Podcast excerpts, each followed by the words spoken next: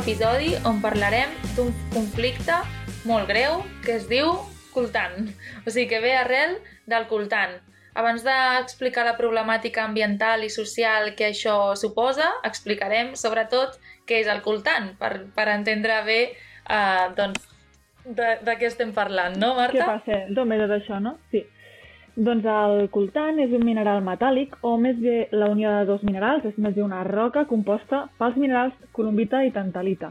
Uh, què passa? Que aquest mineral té unes propietats úniques, com són, per exemple, que és superconductor de l'electricitat, la condueix fins a un 80% més que el coure, i això li permet ser utilitzat en molts aparells electrònics, perquè, doncs, per exemple, permet reduir el tamany de les bateries, també s'utilitzen turbines uh, d'avions i reactors nuclears, uh, i aparells electrònics em refereixo a mòbils, ordinadors, tablets, tot això. Llavors, clar, és un material que tenim, tenim en tots aquests aparells que ens envolten en el nostre dia a dia i, i que s'utilitza moltíssim, realment.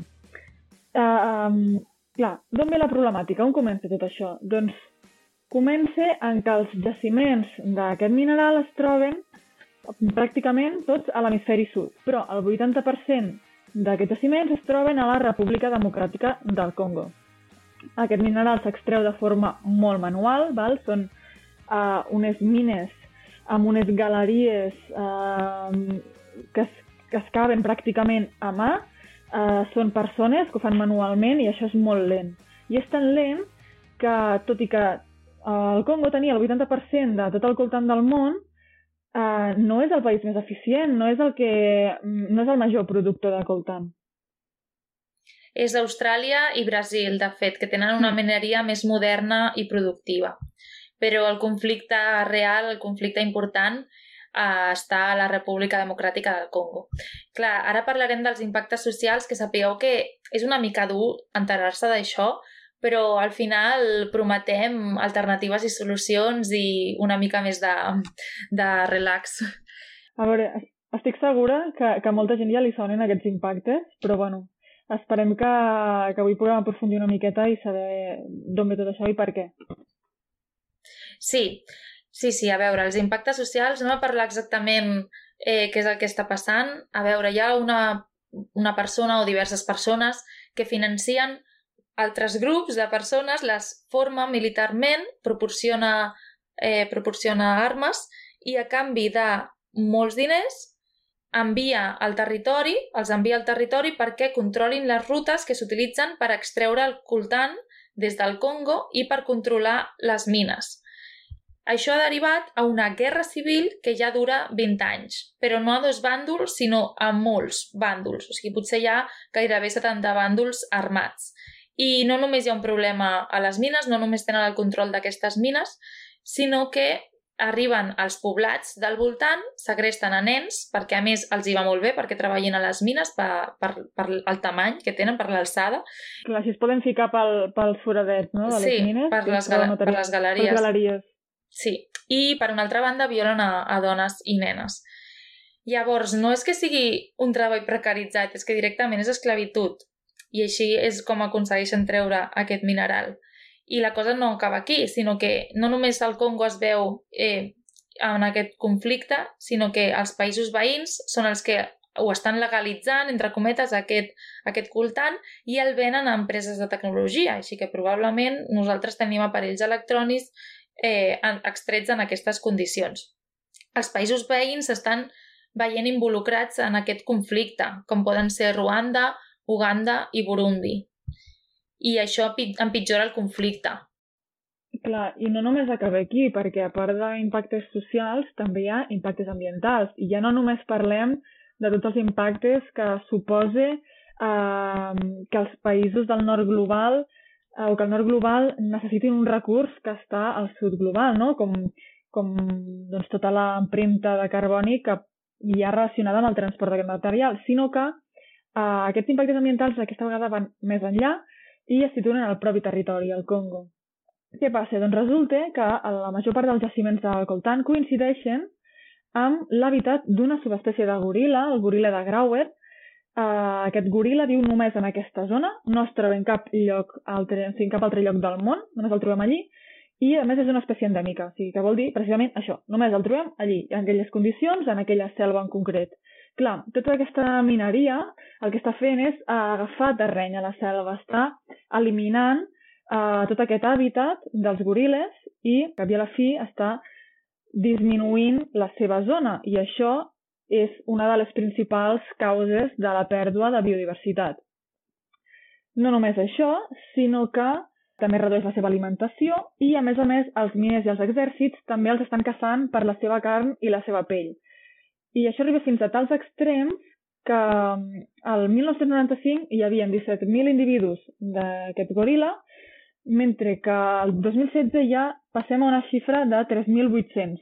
Encara que aquest número és aproximat perquè, donada la situació, uh, per fer-se un cens en condicions, uh, la gent s'hi ha de jugar a la vida. Així que és, un, és una dada aproximada, però clar, tot i així, es considera que és un nombre molt, molt, molt, molt baix i per tant s'ha declarat aquesta espècie en perill d'extinció crític. Llavors veiem que el conflicte és important. De fet, el govern està intentant prendre mesures, però són insuficients. La ONU ha demanat que es deixi de comprar i importar aquesta roca que està, tancada, que està tacada de sang i per una altra part, per una altra banda, hi ha companyies que eh, estan demanant que, que el coltant vingui de fonts legítimes. Perquè, clar, no oblidem que el consum és molt important aquí, tot i que nosaltres acabem... O sigui, tenim molt de pes, però per solucionar-ho la veritat és que ens explota una miqueta el cap perquè és un conflicte bèl·lic molt important.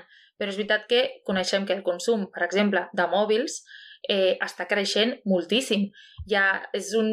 s'ha convertit en una necessitat i quan el mòbil encara funciona bé, fem aquest canvi per poder tenir uh, el nou model. És a dir, parlem en general, eh, en termes generals, en, en les dades. De cada pocs mesos una persona es canvia el mòbil i no és necessari, però ha sortit un nou model nou. Es fan cues a les botigues per poder comprar-lo i a més ara qualsevol pagant-lo a plaços pots tenir una marca de gamma alta llavors eh, és com, bueno, és estatus social també és, i és un gran problema Clar, hi ha una gran demanda d'aquest mineral per, per fer tots aquests aparells electrònics que, que són molt consumits i que, a més a més, es rebutgen o es llencen abans d'acabar la seva vida útil. Perquè, clar, sí que és veritat que, a part de rebutjar tots aquests objectes quan ja se'ls ha... Bueno, rebutjar tots aquests objectes abans que se'ls acabi la vida útil, també també s'espatllen i doncs, ens hem de comprar doncs, un altre mòbil o un altre ordinador. I aquí és quan ja entra una mica el concepte d'obsolescència, no? Que serien dues coses. Hi ha l'obsolescència i l'obsolescència programada. L'obsolescència programada és la presumpta estratègia de les companyies per fabricar productes de baixa durabilitat en, amb el fi d'obligar-nos a adquirir nous models i així doncs, mantenir un, un elevat consum. Exacte, a veure, existeix l'obsolescència, per una banda, que està clar que existeix, els productes s'espatllen, però per una altra banda tenim el que es diu l'obsolescència programada, però nosaltres, havent parlat amb informàtics, eh, ens han dit que, a veure, programada, programada no cal que estigui. És a dir, no hi ha una data exacta perquè el teu mòbil deixi de funcionar. Simplement els materials no es fan que, que durin, perquè per cap de les dues bandes interessa, ni per la companyia ni per la persona que ho compra, perquè realment les forces es focalitzen en que tingui l'últim model d'alguna cosa, no en què duri, perquè és que per molt que duri perdria eficiència i a més que aquella persona ja es vol comprar una altra. És a dir, que hi ha un interès per les dues parts. Clar, i a més a més també entra una mica ja el tema del software, que amb totes les actualitzacions que van sortint, doncs el, el propi terminal o el propi mòbil queda obsolet perquè ja no, no pot suportar les noves actualitzacions, el nou software, etc. Uh, llavors, doncs això, a part de doncs, rebutjar-lo nosaltres quan ja no el volem, també arriba un punt en què l'hem de, de llançar o l'hem de canviar, no? I aquí és on entren una mica potser les, les alternatives o les solucions. Què podem fer nosaltres? Perquè és inevitable que en algun moment o altre ens haguem de comprar un mòbil. Nosaltres ja no, no ens imaginem la vida sense un mòbil. És, és molt, bàsicament, és, és que molt necessari avui en dia, no?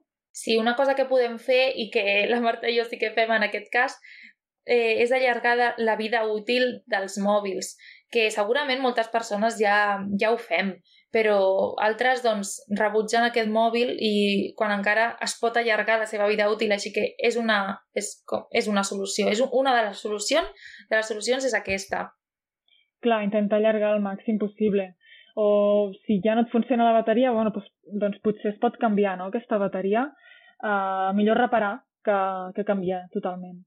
Després també el que podem fer és comprar mòbils recondicionats, de segona mà. bueno, és una opció, s'ha de tenir molt en compte on el comprem i a qui el comprem, perquè no ens donin una cosa que no és, però, però també hi és aquesta opció. I és, és sí, hi ha, hi ha botigues, de fet, i potser et donen garanties també, així que també és una bona sí. opció. Una altra que potser és interessant també seria potser la més, la més justa, és, és l'opció més justa. De fet, la marca del telèfon es diu Telèfon Just i la marca es diu Fairphone en, en anglès, que com, és com es diu, i és una marca de mòbil que utilitza el coltant en condicions legals, sense esclavització, lluny dels conflictes bèl·lics. Què passa? Doncs que és més car, aquesta és la contra, que val, val una mica més de 500 euros. Eh, no tenim aquest mòbil, nosaltres no tenim aquesta experiència, però coneixem a gent que sí que el té i que estan contentes aquestes persones amb el mòbil, ja tenen quasi 5 anys uh, aquest mòbil, però comença a perdre eficiència i a veure, és una compra que s'ha de meditar, però us diem um, aquesta alternativa per si la voleu estudiar. La marca del mòbil, Fairphone. Existeix aquesta possibilitat.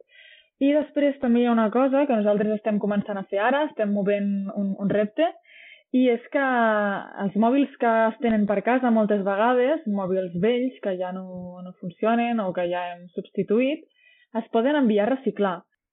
Hi ha diverses associacions que fan recollida de mòbils, però parlarem d'una en concret perquè si no ens liaríem molt a parlar. Nosaltres volem enviar-lo a un institut que es diu Jane Goodall, que és un centre d'investigació, de conservació i d'educació. Tenen, té, té diferents seus repartides pel món. Eh, té un centre de, rehabilitació al Congo i té un d'educació a Senegal. Llavors, si enviem els mòbils, hi ha una companyia que recicla i reutilitza els materials que encara són útils d'aquell mòbil que has enviat, deposita els materials que són tòxics i el valor d'aquell mòbil o part del valor li aporta a aquest institut per tant, estem aportant valor a, a una associació en comptes de deixar un punt net, que també està bé, més que el calaix, segur, però eh, aportes, bueno, fas una donació a aquest institut, que és molt important I... perquè així, eh, així es recicla aquest mineral i es, bueno, aquest coltant i, i altres minerals, altres roques, llavors es deixa d'extraure eh, al Congo, el desaturem una mica, no? I què fan d'aquests diners, aquesta associació? Doncs el que fan, per exemple, tenen un centre de primats rescatats, de caçadors furtius o alguna cosa així, doncs eh, els tenen rescatats i potser els poden, els poden reintroduir o no, però li donen una vida de qualitat. I per una altra banda, eh, tenen l'educació, el centre d'educació que hem dit a Senegal, doncs són amb, amb nens i nenes que tenen problemes d'exclusió. De, Llavors, eh, mira, és una cosa que nosaltres podem fer. I llavors estem Clar. fent aquest repte, no? Aquest repte al nostre entorn per recollir un munt de mòbils i nosaltres, bueno, enviar-los o que ens el vinguin a buscar, perquè si aconseguim 30, ens els vindran a buscar. Sí, llavors, bueno, des d'aquí doncs també fer crida que si teniu mòbils vells uh, per casa i els voleu enviar, um, ens podeu escriure, si voleu, a les nostres xarxes socials, o si no, al nostre correu somoslaovejaverde.gmail.com i a partir d'aquí us podem explicar exactament com s'ha de fer. Si no ho voleu enviar a vosaltres eh, i tenim l'ocasió també me'ls podeu donar a mi. bueno, sempre podem buscar alternatives no? perquè aquests mòbils arribin, arribin on, on han d'arribar. Sí. Igualment enviar-ho és gratuït, que us avisem, sí. que ho sapigueu. Amb una etiqueta que et descarregues, a veure, està tota la informació a la seva pàgina web de Mobilízate por la Selva, però nosaltres a les xarxes socials també també ens podeu escriure que us ho comentarem tot. Ah, exacte. Doncs jo crec que ho podem deixar aquí, avui, i, sí. i ens veiem, a, ens escoltem al següent episodi. Gràcies, adeu. Adeu.